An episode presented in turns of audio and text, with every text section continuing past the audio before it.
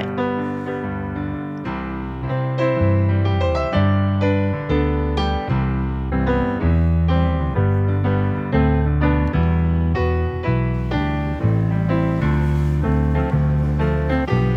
Welcome to episode 54 of Reading with Rory, the podcast where three friends discuss the 300 plus books on the Rory Gilmore reading list. I'm today's host, Liz. I'm Erin. And I'm Sarah. Today we're going to be discussing the book on the list called The Complete Novels of Dawn Powell, which is actually a two volume collection of 16 novels, or most of her novels. Full disclosure, we did not read all 16 novels just I because wish we it had said that kind complete. of time. I know. um, that that yeah. To, That being cheers, to, said, cheers to people that do have the time to read all 16. I think it would be a rewarding journey. I also like when they can put all of a no- all the novels. My it helps my bookshelf situation.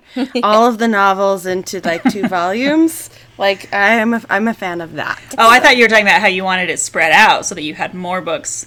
Your bookshelf was fuller. Yeah, no, full. no, I can't. I don't have room for 16 novels by one person. um, now you may be thinking, wait, 16 novels? Who is Dawn Powell? I've never heard of her. Were you thinking that?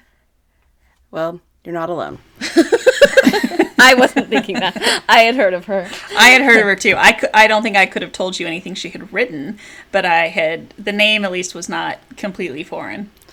Um, well, she isn't really. I mean, her name isn't foreign. I just didn't. I couldn't tell you what book she wrote. I, she's just not really one of the most like widely known authors. Lane asked Rory in Gilmore Girls about who Dawn Powell was, and Rory did our work for us. In season two, episode twenty, she described Dawn Powell by saying, "Well, nobody's heard of her, which is a shame because she wrote sixteen amazing novels, nine plays." And there are some who actually claim it was Powell who made the jokes that Dorothy Parker got credit for. So I appreciate I Rory doing our job for us here. Yeah. yes, it's very uh, tidy and succinct. So, um, Clearly, whoever wrote the script had a thing for Dawn Powell when they wrote that.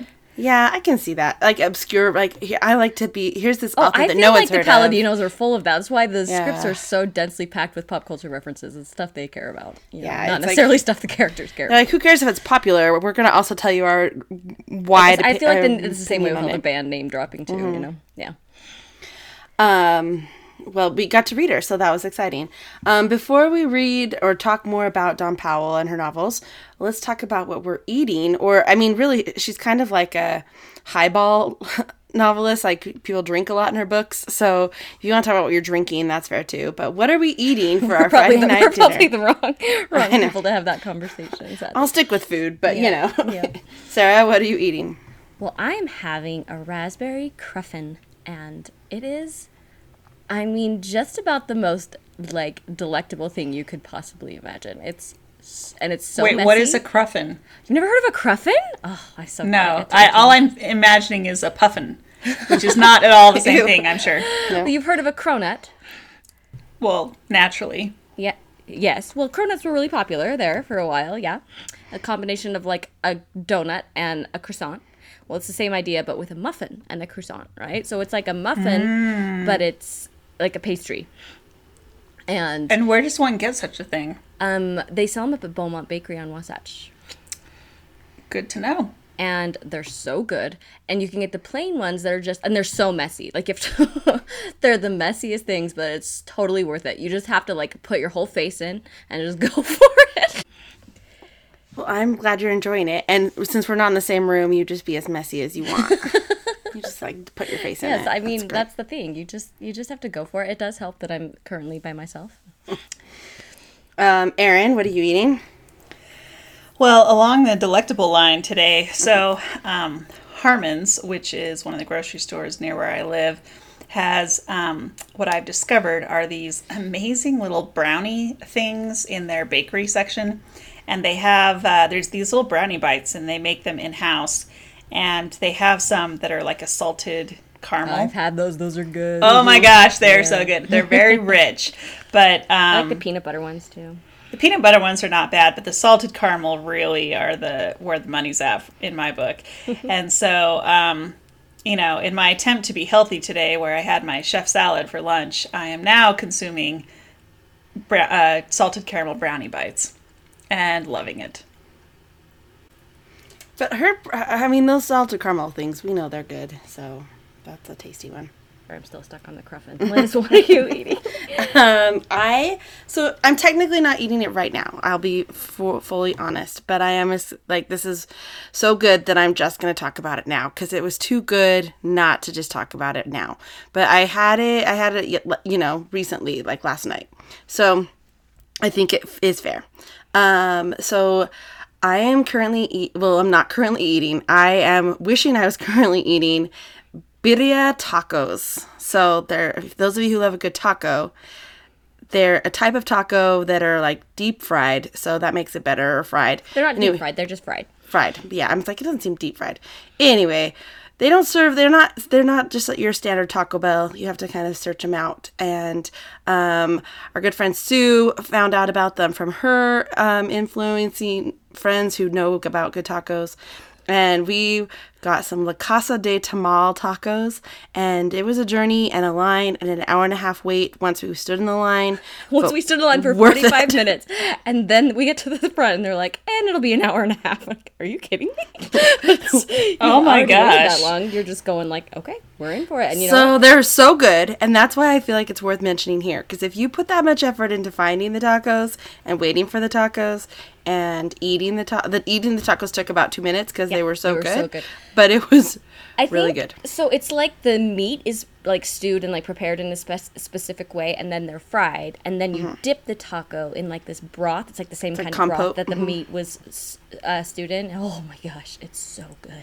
And wait, where do we where do we get these? Well, it's It was called La where we- Casa de Tamal. It's in West Valley City. and it's like inside a little flea market, and um, and it's it's pretty legit. It's good. Wow. Well, okay. I'm definitely gonna have to check that out because that sounds amazing. Yeah, good tacos. Worth it. Um, all right, so technically, I'm not really eating right now. So, um, since we're exploring a collection of novels of largely un- of a largely unknown author, I will give you some background on her. Dawn was born in Ohio, of 19 nope, 1887. Not 1987. she, I was like, that sounds wrong. Anyway, she lost her mom at a young age and she lived with her father and stepmother until she ran away. Um, she ran away because her stepmother destroyed her notebooks and diaries. And so her desire to be a writer surpassed living with her family. And she lived with her aunt for a little while, but then went to um, New York City. Does that sound familiar to any of the characters we may have read about today? Yeah. Yeah. So, um, after college, Dawn set out on her own to live in New York City. She went out and captured the big city, also familiar to her novels. Um, she married an aspiring poet in 1920 and lived in Greenwich Village for the rest of her life. So that's basically where her geography is. What I in my, one of my rabbit hole discoveries about her life, um, I found some online diaries of hers that have been well, some diaries of hers have been put online, and she described how she felt about living in the land of Bohemia and Greenwich Village by saying. Where all night long typewriters click, people sing in the streets, and hurdy-gurdies go all day, and laundry boys read Turgenev. So apparently you read Russian novels and you do hurdy-gurdies in Greenwich Village, so why wouldn't you want to live there? Um, Um, this- is yeah. this is this ignorant? But what is a hurdy gurdy? I'm gonna have you look that one up. Okay, it's like I have never heard that phrase before. Look that up. I'm googling. Okay. This is a family show. But I just love how she just describes this lifestyle. And Greenwich Village in the 20s and 30s, it would might be a, would have been an exciting time. There was a lot of literary figures there that were kind of emerging and art art art going on there at the time. So she was there in an exciting time. I would agree. Um, let us know when you find out what a hurdy gurdy. Oh, I found it. So Yeah. it says it's a stringed instrument that produces sound by a hand crank turned. Uh, ro- uh, let's see, a hand crank turned uh, rosined wheel rubbing against the strings. The wheel functions much like a violin bow, and single notes played on the instrument sound similar to those of a violin. So they have here's a like tiny clip. I have no idea what this is going to sound like.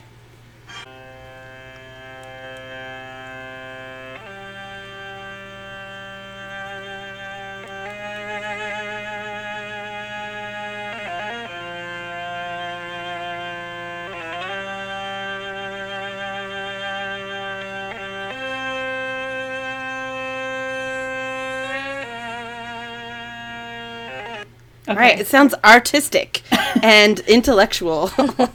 There it you go, like Greenwich. Village. Um, so she died in 1965. Um, she was 69. She never really became well known during her own lifetime. She had some, um, you know, fans. I think that will um, see that. You know, Ernest Hemingway loved her, and there was a lot of other people at her time that were fans of hers, but she never was really commercially successful so we can talk more about that. But her books basically went out of print until there was a 1990s revival of her work. Um, Gore Vidal and Tim Page, especially, were kind of her champions. So I don't know who Tim Page is, but he was pretty much obsessed with Dawn Powell, and he collected all of her diaries to great, eh, like made it his life's obsession. He wrote her biography, and he just went on to like just study her life so to such a degree. I don't think it was financially, you know, like a well a good move for him necessarily because he ended up you know auctioning off her diaries so he could uh I don't know live but he he's um he put her diaries up for auction and he was really worried about who would get those diaries. He didn't want them just to be like out there with no one to like take them seriously. So he was saying here's a quote that I read in an article about him. Um he put her diaries up for auction. Half a million dollars won't buy you a one bedroom apartment in Manhattan he said sipping a Peroni. But here is this little unique work of gossip of literary history. These are some of the greatest diaries of New York. The only other satirist in our league satirist sorry is Mark Twain. I don't like using her gender labels here, but I really do think Powell is our finest woman writer. You can't easily put a price on that. So he put snippets of her diaries online for everyone to enjoy to like pique interest in those diaries before he auctioned them. So you I will put a link on the website so you can definitely read them. But he was so caught up in how like amazing she was that he just didn't want her work to fall away. And so he made it his life's work to do that. So That's awesome. Go Tim Page. Thanks, Tim Page. We appreciate it. Yeah. also, uh, mention that Gore Vidal is on our list. Yeah, yeah. No, he's So, goes Gore full Vidal? circle. it does come full circle. Go- As is her, Ernest Hemingway. That's true. I, uh, yeah, it is kind of fun to think of her as kind of like this underground favorite of like the literati, you know what I mean?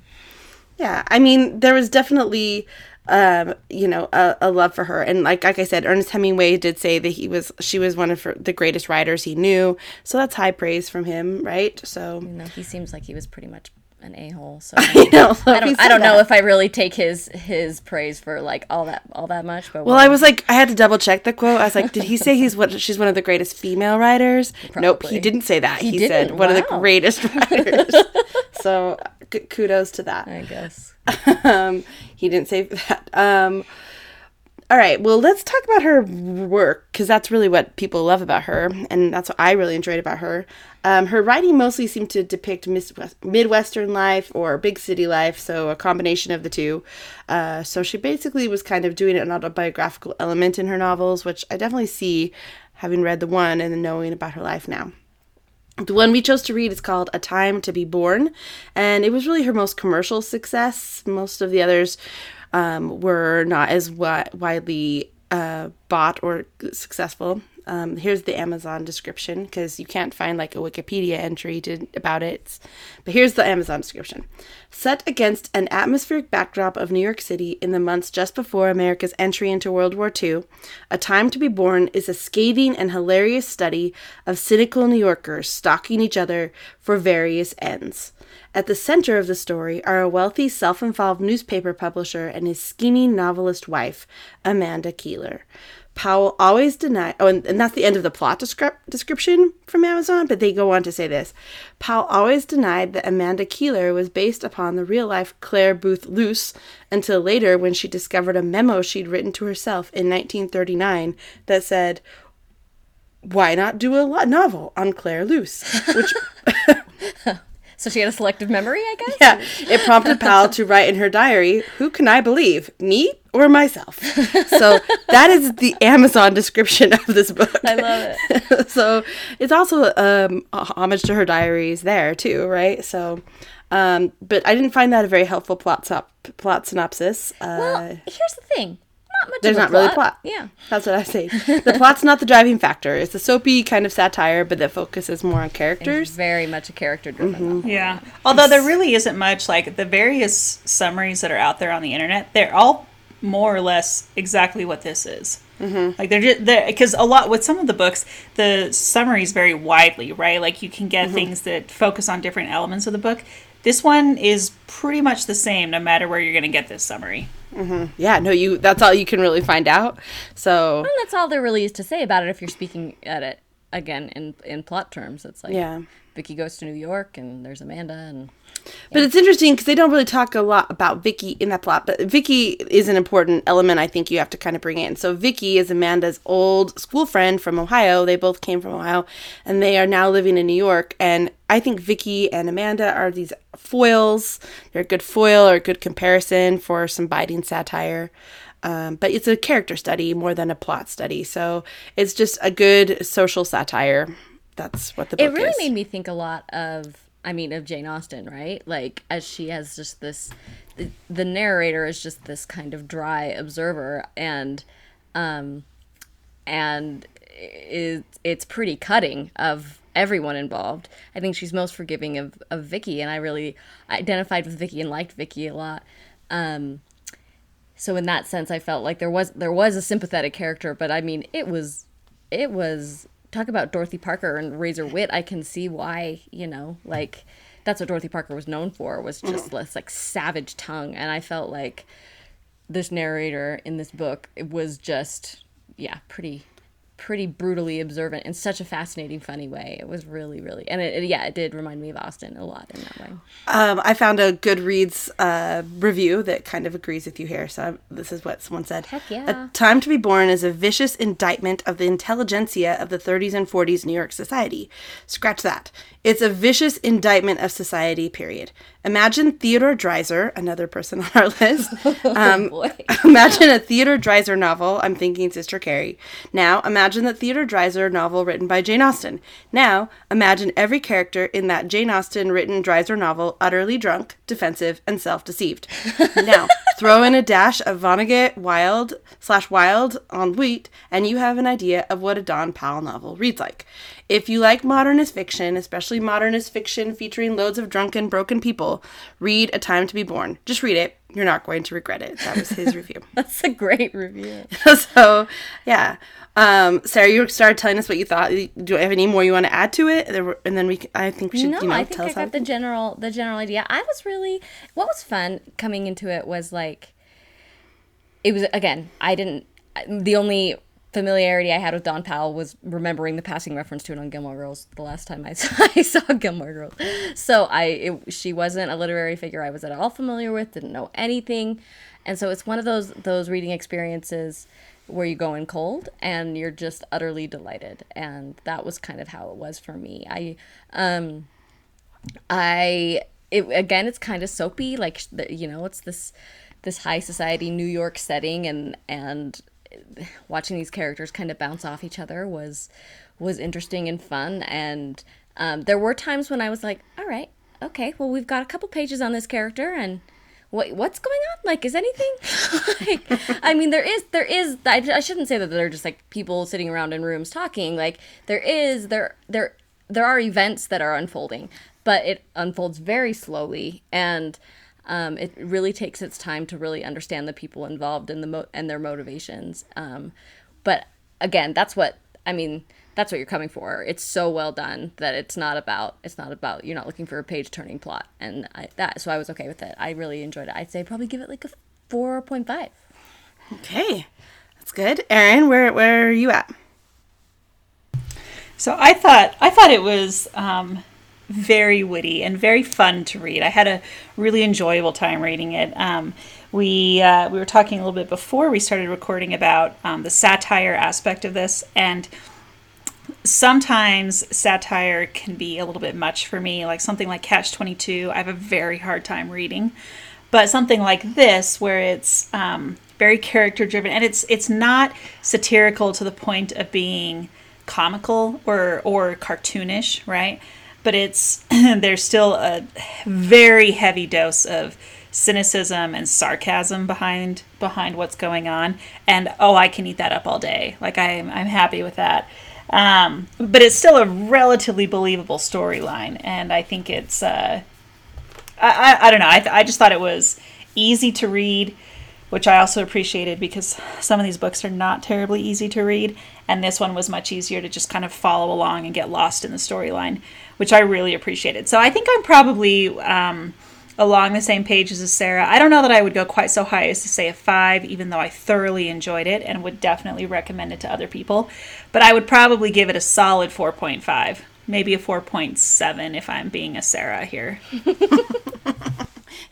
We'll give it to 4.7. Let's be generous. Dawn Powell needs all the help she can get getting some readers. Sure, so- no problem with that. yeah. Um, yeah, I t- uh, agree with both of you. It was very fun to read. I mean, I think I read it in like a sitting, like one sitting one night. It's pretty short. Um, and you you don't get necessarily caught up in like a page turning aspect of it, but I was caught up in the language and how cleverly she could describe society and describe these characters and just kind of make you um make you just be on I mean I was I was in Vicky I was on Vicky's side. I felt bad for Vicky multiple times throughout the story. I just wanted her to be happy. Like that's I kept reading this book and being like I just want Vicky to be happy. Like there's a we'll get into it more, but there's this whole part where she leaves Ohio under horrible sad circumstances and I just want her to get to New York and be happy and you know that that's not going to be the case necessarily. The way that Amanda's like, "Oh, I'm just going to set her up in this like loft that I really just want to use to have um my little like tryst with Ken Sanders or Saunders, however you say his name. Saunders, you say his name Saunders. Um, I can correct it myself. The there's just a sort of a like I just kind of that's how pushed me through the book a lot was just wanting to see hope that she ended up happy in that sitting. But I also was like I take pictures of the pages or quotes that I like, so I just put in my notes so I can keep track of them.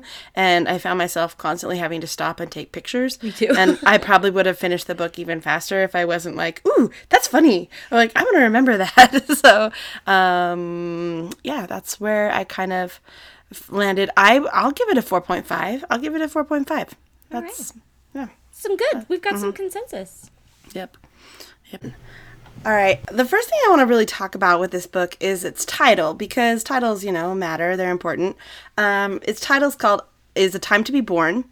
Um, my interpretation of that, I think, and is it like it suggests the the setting, the 1941 New York City on the cusp of a big world war, is the time to be born. Is this like do like doom and gloom kind of time that she sort of frames the novel with.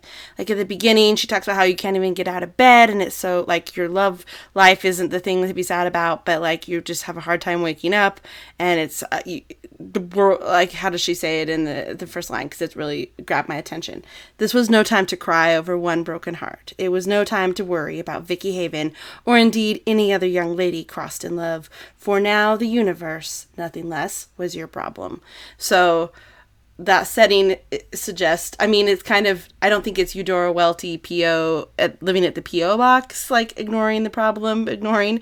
It's more of a close examination of this this interesting time in society when things were about to change and the, the world was kind of on you know uh, other parts of the world had already changed and New York wasn't quite there yet.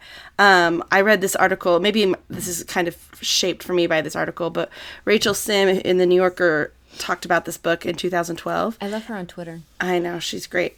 Um, she she talked about this as like a send up, a thinly veiled send up of a society couple, and their biggest commercial success is this is her biggest commercial success. So she talks about the book a little bit, but she makes this link that I think is interesting about how in the novel, not just that first page where they talk about how it's you know a, a universal time, um, she talks about how um, the modern fashion, the description of the modern fashion, but this growing social anxiety at the time.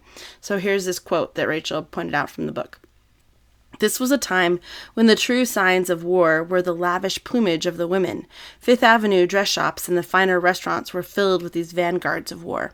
Look at the jewels, the rare pelts, the gaudy birds on elaborate hairdress, and know the war was here. Already the women had inherited the earth. And you wouldn't think this is describing war based on that, right? Like the, uh, people fighting a war at any point soon. It's about women shopping on Fifth Avenue or, you know, having these cocktail parties at night or whatever it is they're doing is all kind of like shifted to the background of the novel through most of the novel. Except I think it is kind of framed at the beginning and the end of like what time time period we're dealing with. I don't know. Was that just my interpretation of this? I I, mean, I don't like, know. The larger setting of like the wartime, or rather like the eve of wartime, didn't necessarily like stand out to me throughout the novel. But as I was thinking about what this title could mean, um, and I do think that Rachel that that observation by Rachel Syme is interesting as far as women inheriting. You know, she points out that passage where she said the women had inherited the earth, like therefore like the war had already come. Um, but like I guess to me it's just kind of like it's all like in anticipation, this gathering impending doom, kind of like you were saying. And I think of like the phrase "a time to be born," like occurs to me as like that phrase from Ecclesiastes, a biblical phrase, um, or that song by the Byrds, if you're more familiar with with that, right? To every everything turns. to, yeah, to, to everything there, er, every there is a there is a season, and and and then it like lists all the seasons as a time to be born, a time to die, almost like the time to be born precedes the time to die. Hence, here we are in this time preceding this wartime was like kind of how I interpreted it. But I don't know. What about you guys? Yeah, see, that's interesting because I didn't really look at it that way. I was looking at it more from the perspective of like, um, almost like a, a the title itself was a satire, right? Kind of like a "what a time to be born" kind of comment, um, like we talk about with you know kids who are being born today, right? Like, oh my gosh, what a time to be born. That's kind of how I was looking at it. Plus, also the um, this idea that if you look at the storylines of Amanda and Vicky and how they kind of move through their respective, you know, they kind of have these like parallel storylines in in kind of different ways, but they kind of walk through some similar steps. And thinking about it as as kind of a, a rebirth, you know, leaving behind this midwestern life and a, like a time to be born. Like there was all this change happening in both of their lives and anyway, that one may be a little bit more far fetched and a little bit yeah, more like, out I there. think Amanda's storyline is, is actually kind of an inverse of Vicky's storyline. They're kind of going in opposite direction. Well, but but regardless, it's still a little bit of like they're both they both go to New York to reinvent themselves, right? And they do it in different ways, and they do it and with different end results, but there's still an element of that yeah, okay. there, I think. And so that I guess that's where I was thinking about it. But mostly I was thinking about it as a satire on um, you know, on the idea that that was the time to be born. Yeah, yeah. Like of all times, right? Of all times to be born. right. Interesting. I mean, yeah, I can see that one too. I don't think any of us are wrong, right? Like I think they they definitely try to capture uh, uh, that season of time that passed for sure that passes or that piece season was about to pass. Um, let's look at Gore Vidal. He said this about Powell and about that time.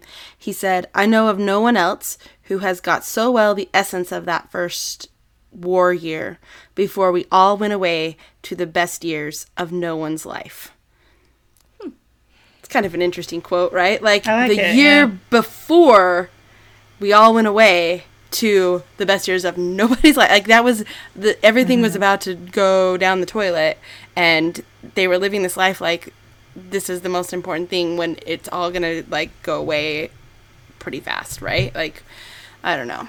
Well, and I did think that was interesting reading through it because there were times when I had to remind myself, hey, this is on the verge of, of World War II, and and mm-hmm. and there are things that allude to that, right? Like I yeah. think Sarah said earlier, you know, they talk about um, they talk about the war and they talk about all these other things that are going on, and I love how she capitalizes all of these other things as if they're all, you know, like uh, I don't know. They, I thought that was great. Uh, her use of capitalization was great in the book. yeah. um, but uh, if it hadn't been for those references that kind of draw you back to the war aspect of it there's nothing else in this book that really screams, "Hey, war is about to hit." It's all about this very lavish, er, er, you know, like Amanda going after this very lavish lifestyle, and Vicky. I, I don't know. It just was a, a, kind of an interesting.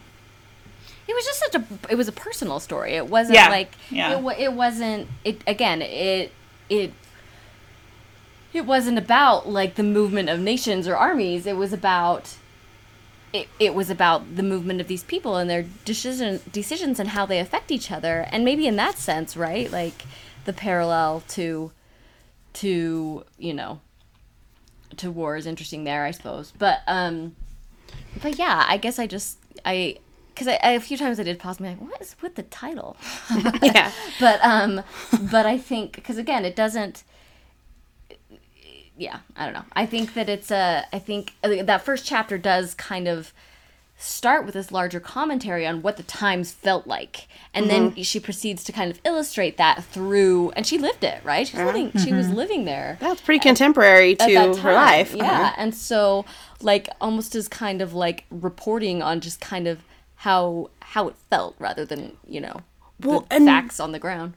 And maybe from her perspective or from them like this biting perspective of these society people that like are not oblivious to what's going on but what's going on has no impact on their lives whatsoever Yeah. right? Like yeah this like they're journalists. They're meeting with ambassadors. Like they're they know that it's not like it's head in the sand oblivious. They are just um carrying on with the daily Well, like it was- and that's normal that's not What was such bad an thing indictment was they of their selfishness, and that's what I wanted to talk about Yeah. more on like the like the psychological realism of it and the and the the social observations, right? Like she's Mm-hmm. just brutal, and these people are just using each other right and left and have zero self-awareness and are so just vapid and selfish and that they're not you know even as like amanda has this column that she's writing her Well, she was an opportunist, you know. and and she um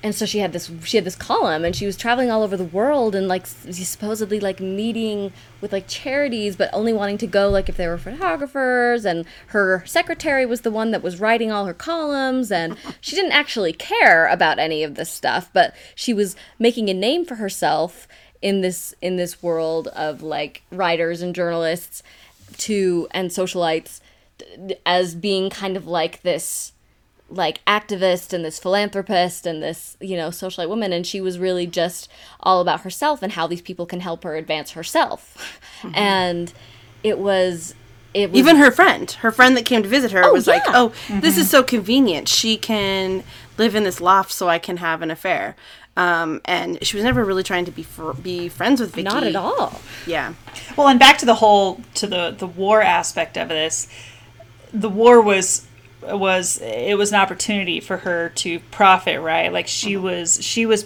profiting personally and financially off of what was happening with the war, and um, I don't know. I just thought that, like, again, like the only time I you ever really heard about the war was in the context of how Amanda was trying to use it for her own benefit. totally yeah or the readers probably probably more aligning with Vicky, and you can see yourself as Vicky more than Amanda probably. Well, yeah, yeah. Like I was saying before, she's very sympathetic and mm-hmm. like she's very likable. And it's not even like I think you start out because the novel starts out from the perspective of their mutual friend, of Amanda and Vicky's mutual friend, who And I really like Amanda.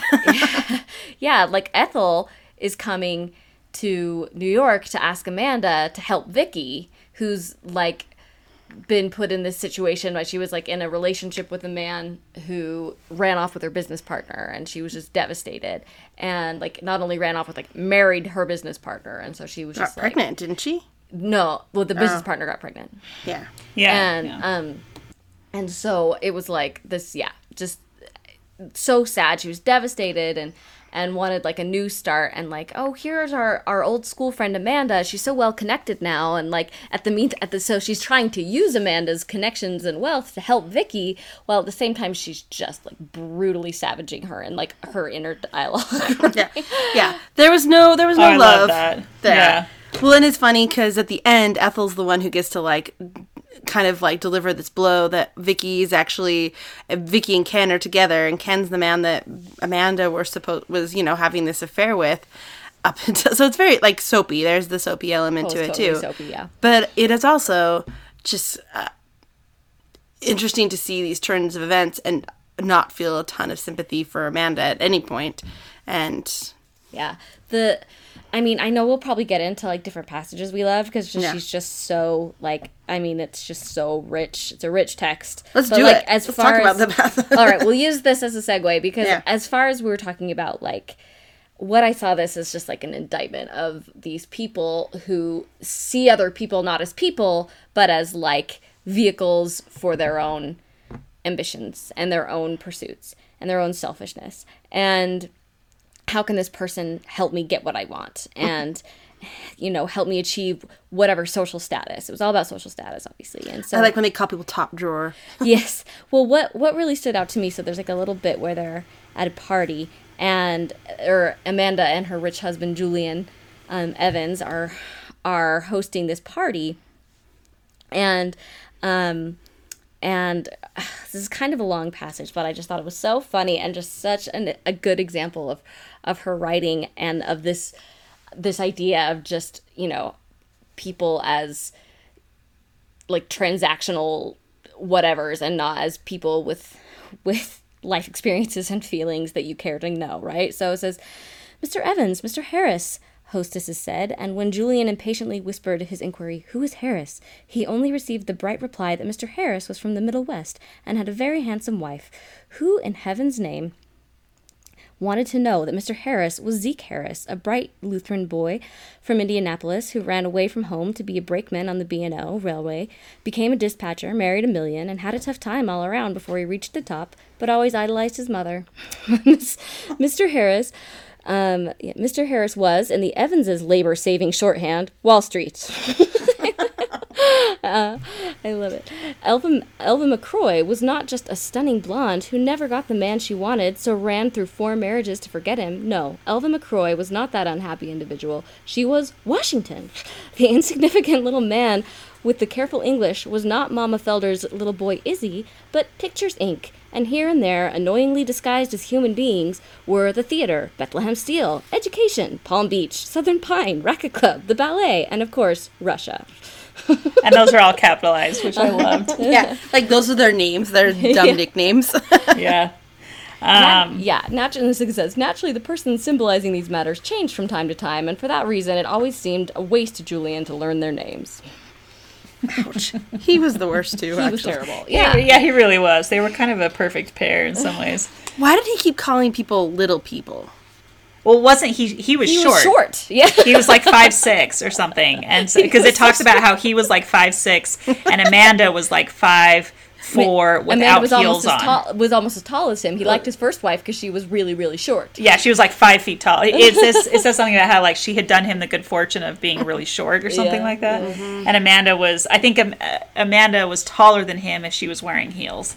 And so, um, Well, they would capitalize little people, so I just kept picturing like Fisher Price toys, and that changes the book a lot. Extra literal there. Yep. So um, going back to Ethel though, and um, the stuff that she. So I just there were some passages that I thought were so funny when Ethel goes to New York to talk to Amanda about bringing Vicky. Um, bringing Vicky out and she's just feeling such insecurity as one would right? Like I felt like there were times when I would read this and I'd be like oh Dawn Powell you just perfectly captured the like the emotion that's going on behind this. And um anyway so she talks about how you know like Amanda had had oh how she gets to Amanda's house and she's so shocked at the um grandiosity of this house and just how magnificent it is. And she says, um, you know, as an old friend from way back, she naturally wanted Amanda to get ahead, but not out of sight. And I thought that was great. And then as she goes into the house and she's going up to Amanda's room, uh, first of all, there's an elevator in the house, which she uh, notes.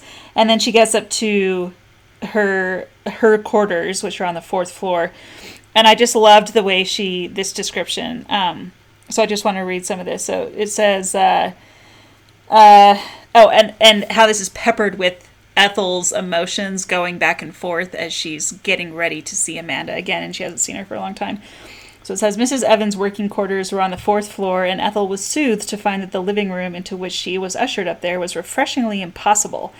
Velvet theatrical curtains, more bad tapestries, fur rugs, great ugly vases, gold framed, expensive, and enormous paintings by Saturday Evening Post cover artists, huge fringe floor lamps, and overstuffed armchairs with, were benignly smiled upon by a marble bust of possibly Sappho on a corner pedestal. Mr. Evans' former wife, or even his mother, the paper said he owed everything to his mother, must be responsible for this de- uh, decor, and Ethel felt a little fonder of Amanda for this daily cross. There was an ancestor in a great gold frame over the fireplace, a lady ancestor with the hooked beak and chin common to New England and the Old Testament. Her long neck, I, I just, I mean, I just love this. Her long neck leapt hungrily out of a rather rowdy uh, decolletage. Ethel wondered if Amanda had finally been able to locate an ancestor, or if this was one of Evan's prides. Um, and then, uh, and then she she goes on. Such a solid burn. I know, right? And she says, in a gilded mirror above this console, Ethel saw her own face sneering. Uh, she had just been thinking that all the place needed was a Southern Methodist pennant and a rubber plant, but she did not propose to have her expression betray such cynical comments. Um, anyway, and so it just like it just goes down, and I just love the whole thing. And then and then she gets to the point where she's like just about to go into her room, and it says, um, she said she's she's kind of assessing her own image here and um, and she says she tried to smile as heartwarming as a dentist. All right she was stage struck and likely to forget her whole mission if she didn't pull herself together. And i don't know it just like the whole thing is just so clever and i just love that like that you, you can just see you can feel all the emotion that ethel would have been going through as she's sitting there waiting to talk to her now very famous and wealthy friend and about to ask her for this favor.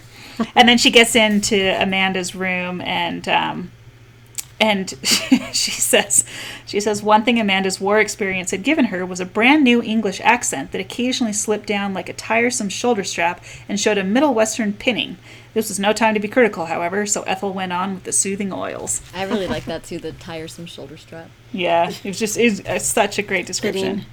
And it's just It's sets just up an evocative image, right? Like, Yeah. like, Ugh, I have to keep this up. yep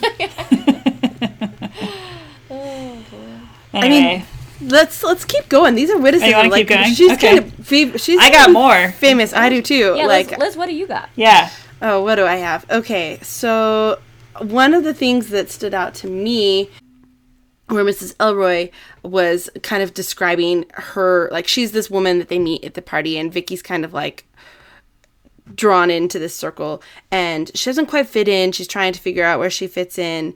Um, and so Mrs. Elroy describes people as top drawer. And she saw that Vicky here was bit- very Auntie Mame. Didn't you I know. think of Auntie Mame? Oh yeah, like that's what these are. So like I, that's what I was gonna say. It just made me feel like I was at these parties where they were like describing people by like where they fit into the social strata of everything, and um, none of their behaviors make them feel like that. It's just how they describe them that way. Um, so I mean, there's some of those things, but really, I want to talk about. I didn't pull. I I didn't take a picture there, but my overall feeling of that chapter where Vicky is in the car with her brother, and they are. He's driving her to the airport. oh my gosh that was such a great section Yeah, Oh, and he's so trying hard It to was get so her sad. It so to stay. sad, yeah. So Vicky was living with her brother and paying rent at his house, and he kept talking about how, "Are you sure you want to leave?" Like we would really miss. Like it's not because he wants her to not. He wants. It's not. He's gonna miss her company. he doesn't He's going care to about miss like her developing rent. yeah exactly but he's also making her feel guilty like she's she's you know letting down her family and like he's just laying on this guilt trip so thick and not in any way trying to make her like i- communicate that he like wants her because he loves her and wants her company and cares about her. And like it was so frustrating. And she's just like hasn't like she's just so love starved you know what i mean? And she's mm-hmm. been through this awful ordeal with with her boyfriend who left her and and she just has no one that loves her. And i was just so excited for her to get out of there. It was so Yeah, sad. get out of Lakeville. Get out of there. Like I know you're fa- like it's just interesting. Like you'd think your family would be someone you relied on, but that was not the case. That was clearly like, but don't come back because we that. don't want old maids here. Well, and Yeah, he's, that, he's like, like, immediately putting her down too, right? Like, Yeah. well, you're going to be back in a month, and well, yeah, we'll bring Aunt Tessie in, but we'll kick her out as soon as you're back. And Oh yeah, they filled her room up with somebody else. I don't know. It just like that one was really um brutal to me too. Maybe that's um uh, where I started my sympathy for Vic for Vicky for sure. But anyway, those were some of my passages. Um were there other lines you guys want to bring in? You can share yours. I mean, there were just even small ones like, um, they're just a good example of just her writing, right? Saunders was 33, old enough to have been disappointed a thousand times, but still young enough to be surprised. Um, and I loved that. I seeing Amanda was worse than not seeing her. Everything in his nature recoiled from what she now represented. He resented the years he had mistaken her cool indifference for restraint. Her life seemed monstrous to him, and the fact that she that he was still in love with her was as frightening to him as if he f- found himself in bed with General Motors. that's pretty good. I've got some other um, some other sections too. There was a great description of Julian's mansplaining. oh yeah, I saved that one too. oh my gosh, I thought this was so great.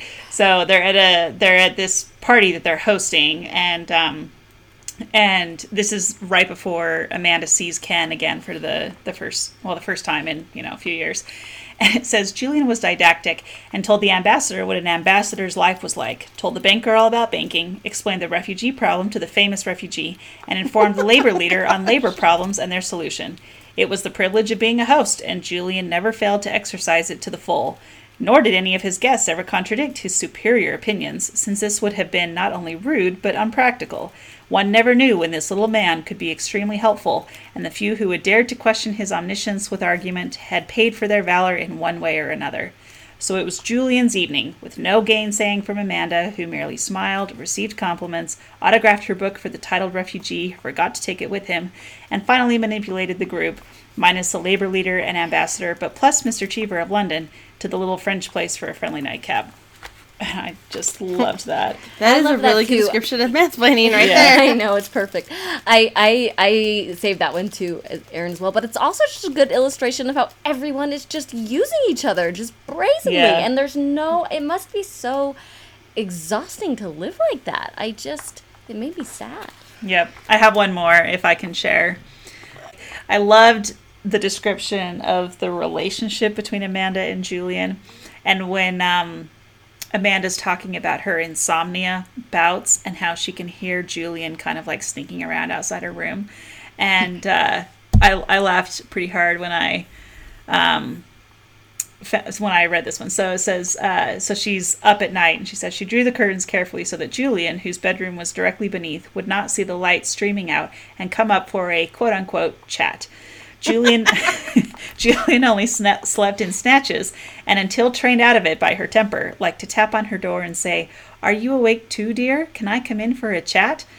he would carry around his Swedish health bread, and the sight and sound of his fine big teeth crunching constantly was more than Amanda's nerves could stand. He had learned not to knock on the door, but he would be apt to tiptoe upstairs and listen outside her door for a possible call. Amanda was accustomed, on the rare occasions when she could not sleep, to sit clenching her hands as she listened to the crunching outside her door, the waiting for her welcome. Lately, she would get angry in the night, thinking she heard the crunching through the walls, and the sound of this blameless, non fattening, health giving habit was as infuriating to her as the ripple of liquid in a glass is to a dipsom- dipsomaniac's wife. I love that. I guess it makes it clear why she seeks the company of Ken right there, right? Well, what, well, except what's that so she it talks about how she doesn't like sex. Like she's Yeah. not. Yeah. Well, again, it's totally transactional. She's like, well, Yeah. it will, will get me something. Yeah. Mm-hmm. And so that's why mm-hmm. this dalliance with Ken is kind of like, oh, well, this is weird. I can't be in love with him. Like, that, that's just ridiculous. Like, that's not like something I'm capable of. Like, to me, this is totally like I'm totally in it for what they can do for me. And so the fact that when she runs into Ken again and she like has these stirrings of feelings, it's kind of like she can't like it does not compute, you know? Uh, I mean, it is interesting Because like at that point, there's nothing Ken can do for her. Sorry, continue. Yeah, no, it's just interesting how that's making fun of that time, but uh, that's not really different than society today. no way, I wouldn't yeah. say that like we've changed. I don't know. Maybe I've been watching too much OC, but the OC. Oh, because that's such a contemporary like. yeah, No, we definitely haven't changed. no, Oh, but gosh. we have not. I would say that's these. Maybe that's why these witticisms still hold so much truth for us or enjoyment for us, is that we see our world in it today too. Um, I did some internet digging on some of her other quotes. Like, if she is like our Dorothy Parker or, you know, our Mark Twain's, then she's going to have a lot of quotes out there floating around. Um, so here are some that I found that I enjoyed. Here's an example. Satire is people as they are, romanticism, people as they would like to be, realism, people as they seem with their insides left out. So it's kind of clever. Um, here's another. A capacity for going overboard is a requisite for a full grown mind, which I really appreciate. I really like that. Yeah. I have a capacity for going overboard sometimes, as I think we all do. But um, a requisite for a full grown mind is a good way to put it. It makes me feel like she's, you know, talking about me. I would never think of you as a capacity to go overboard. Interesting. We'll have to talk about that. I mean, not all the time, but I think sometimes I. No, anyway, we can talk about it. um, yeah, so I suggest to anyone that you read this novel or read other novels of hers or look up some of her witty quotes because she's she's she has a way of words that's for sure. She has Um, a I poison wanna- pen. That is that is um very. It's very rewarding. Yeah. Um, I want to thank Rory for calling out uh, Dawn Powell so that we got to enjoy this because we never would have discovered her, I don't think. Um, even that article I read in the New Yorker, Rachel Syme gave Rory credit um, for recognizing the talent. Like they talked about how her, the revival, they talked about Tim Page, they talked about Rory bringing her words bringing her out. So, um, pop culture bringing us good books. Let's talk about pop culture for a minute. Um, there's obviously no not a lot of like adaptations or anything like that to really kind of watch and get, but apparently she was referenced. Dawn Powell was referenced by other writers because they love her. Um, so she was referenced in the novel A Collection of Beauties at the height of their popularity by Whitney Otto. She was referenced um, by the novelist Alan Furst in his work of called Midnight in Europe, and she appears as a character in like Dawn Powell herself appears as a character in Don in Gore Vidal's The Golden Age. And lest really you was think they're quite the fanboy. Wow. yeah, no, they, he liked her. like, I think we owe the revival to him in a lot yeah, of ways, that's right? interesting. Um, they did make a musical of A Time to Be Born, because why not? It was briefly staged in New York City in 2006, and I have no music. I, I looked for the music. I don't think it went that big. I'm guessing it was pretty far off Broadway. so there's no r- recordings to Seems give like a you deep some cut, taste. but I, that would I think it could make for a fun little musical, right? Mm-hmm. I think it would make for a really fun movie. Like I, mm-hmm. I would love to see a movie that um, adequately captures these characters. I mean, I think it, I think it could be great, especially with the way that they describe them. Right, with Amanda with her her blonde hair and these like flowing golden gowns that she wears all over the place, and like I think there's some really interesting imagery that would be great in a visual setting like that. Yeah, I agree. That's a. Let's make it happen. use our use our use our clout. Sure. Let's make it. I did. I did um, find my own as I was like watching a movie. That's always the best. Is when you don't have to like discover it on the internet, but you hear it. But when I was watching the movie, "Can You Forgive Me?" Um, that's about Lee Israel's one was um, so forgeries. good. Yeah. And how she, anyway, so I think she forged a letter or part of a diary from Dawn Powell, and they reference that. So In Can You when they mentioned that, I was like, oh, flag that one up. So Yeah, that's yeah, very cool. it's a good one. It's a great show. Um, so that's it for pop culture, really, on this one. So if you know of others, don't hesitate to reach out and let us know. Um, speaking of pop culture that we missed, apparently we missed a big one on Dr. Spock in Look Who's Talking. They there's a there's a um, Jenard pointed this one out to us, the listener. She said that there's a big rant from Christy Kirstie Alley about Dr. Spock, and it sounds like one that we should have caught. So How dare us? Well, but that's the great thing about this podcast, right? Like these references pop up literally everywhere. I mean, even in this book, uh, A Time to Be Born, there's a reference to Cinderella when Amanda's going to pick up Vicky at the train station, and she talks about how she's going to get this like modern day Cinderella. Like this stuff shows up all over the place. So I think it's fun to be able to go back and say, "Oh, look, here's another reference." And let's talk about it here because it keeps it keeps these books alive, and I love that. Popping up. Um, very good point. I love it. All right. Well, what was our last remaining question here? What did Dawn Powell inspire you to do? Um, Aaron, or how did Dawn Powell inspire you? Well, I definitely want to read more Dawn Powell. I, I've decided that I want to become a Dawn Powell advocate. There are a few books on this list that um, that I've become uh, advocates for. You know, whenever people are like, "Oh, what should I read?" One of those that I always talk up is uh, Bel Canto, and um, I think Dawn Powell's going to make that cut too now. I think I'm going to tell people that they should definitely go out. The Code of the Woosters is another one that I've started telling people they should read.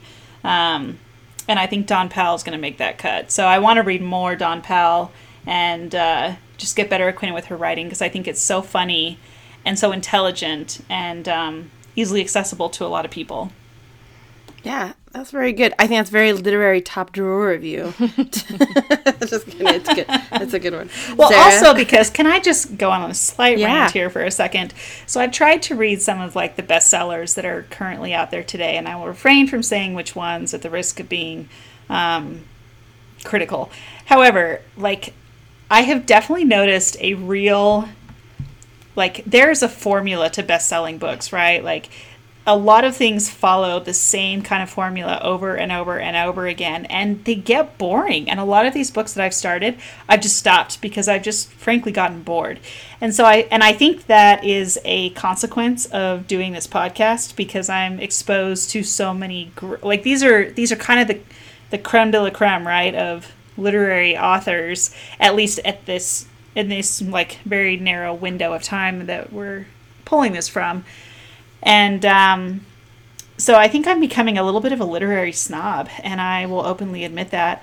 And so I'm having a hard time finding things that I appreciate reading. Also, Liz, you'll be happy to know I rewatched all the Twilight movies again recently in preparation for Midnight Sun, which I've not yet read, and I don't know when I'll read that at some point probably. And oh my gosh, the writing is really atrocious. I love them, but it really is pretty atrocious. And uh, I mean, I guess I'm happy to know that you've recognized that. That's great. I mean, not that I didn't recognize Yeah. it beforehand, but this time I was just like, wow, this is really kind of cringeworthy Yeah. in a way. And if it weren't feeding into that, like, almost kind of that Fifty Shades of Grey type fantasy to a certain extent. You mean quite literal Fifty Shades of Grey fantasy? Well, okay. Then I was like, that was Twilight fan fiction. yeah. I mean, yeah, okay, sure. That's fine. Um, then, like, I just don't know that it would have gone anywhere because the writing really is just so cringeworthy in it. So, I like being able to recommend books that are clever and witty, but are not necessarily Tolstoy or, you know, some of these authors that are really kind of complicated and hard for people to read. I like things that are accessible but are still very intelligent. And so that's why I like finding stuff off this list like Dawn Powell that I can then recommend to people. Yeah. Okay, rant over. No, I love it. Like, I love that you become a literary snob and just like bagged on Twilight. Like, things have changed. thought that would ever happen? Oh, come on. I know, I'm just giving you a hard time. All right, Sarah, what did it inspire you to do? Um, well, I think for me again, and I sound a little broken recordy on on this episode, I think, but um, just as far as like just that psychological depth with which it was just so incisively just calling people out for their their inability to connect with people but only to see people as as objects to help advance selfish pursuits and their complete lack of awareness that they were doing that or like you know like they were like i think at one point it observes that amanda is so like she doesn't want to be used never mind that she's busy like using everyone. And like she's really like uh you know, nervous about Vicky who's trying to use her, yet like that's she's using Vicky. And Vicky was trying to use her to a certain degree, right? Like I think Vicky was a little more um genuine of, of like of like wanting to like oh I'll come to New York and I'll, I'm so grateful for Amanda's help and her connections that are going to help me but she's also hoping that Amanda could be her friend right and anyway what it, as what it really made me think is like how do I approach my relationships with people and like am I guilty of this kind of transactional thinking and and do I look at people as merely like I don't think I do, but like I think that's something that is just so repellent to me that I'm like want to be extra sure that I don't do that. so like for me it was like okay, like I like I don't want anyone to I don't want to be like a character in a Dawn Powell novel. that's just so ridiculous and has no idea. And like that quote that you shared, right? As far as like satire is just people as they are and just that brutally clear way of looking at someone just no sympathy whatsoever as they are and uh, and it just made me like look in a mirror and want to look in a mirror and make sure that like i couldn't be like described in that way. And so i don't know just i guess the short way of putting it is like it's just like increased like self-awareness and make sure that like i'm prioritizing like learning who people are and ma- building a connection with them and learning their stories and um, and appreciating like their character and their um, their their lives and their sense of humor and not like what it is they can do for me to advance my whatever you know? Like i i don't know. So i just i don't want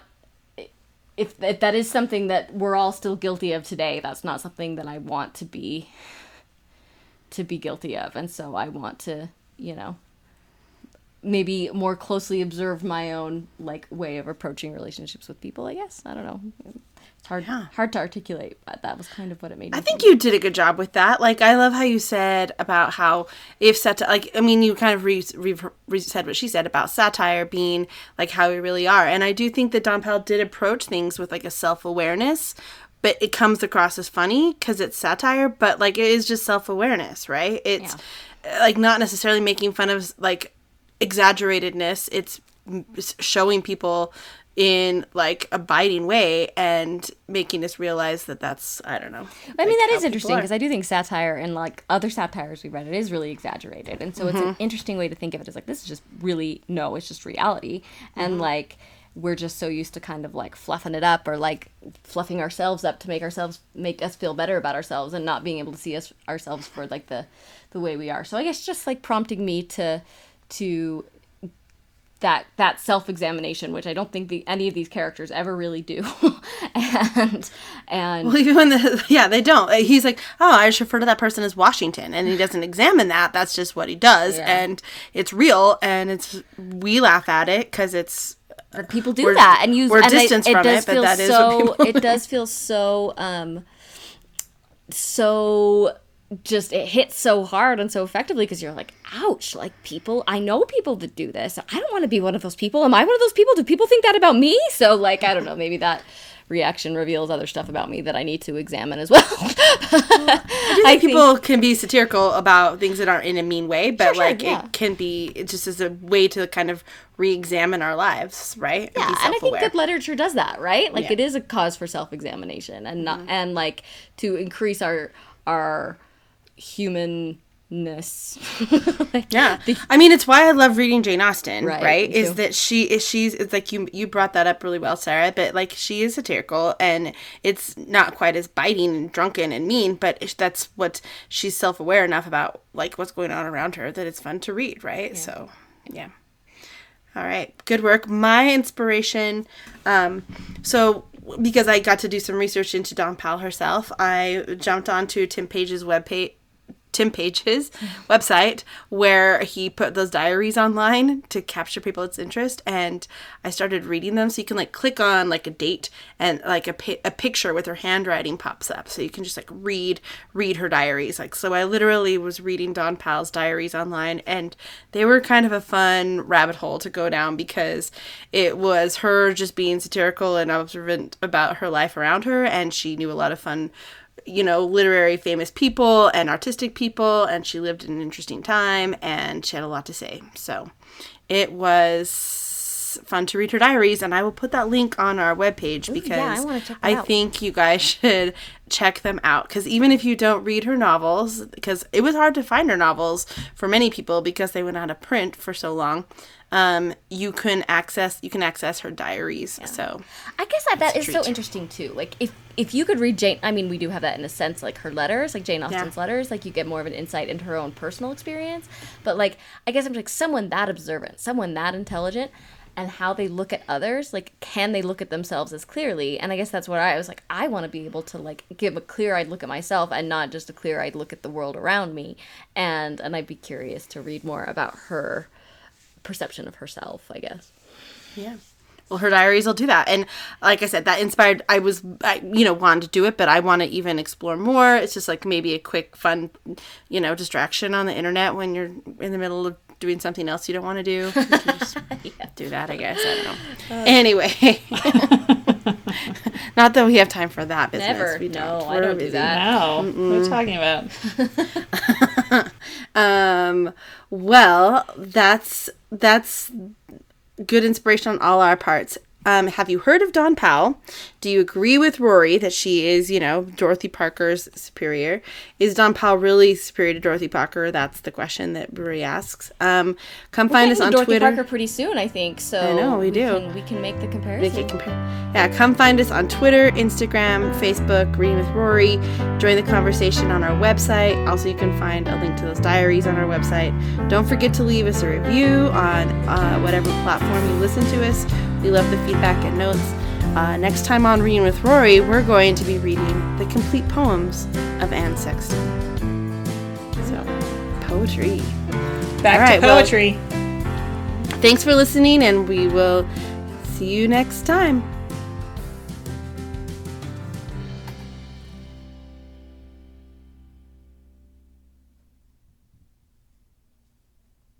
I agree.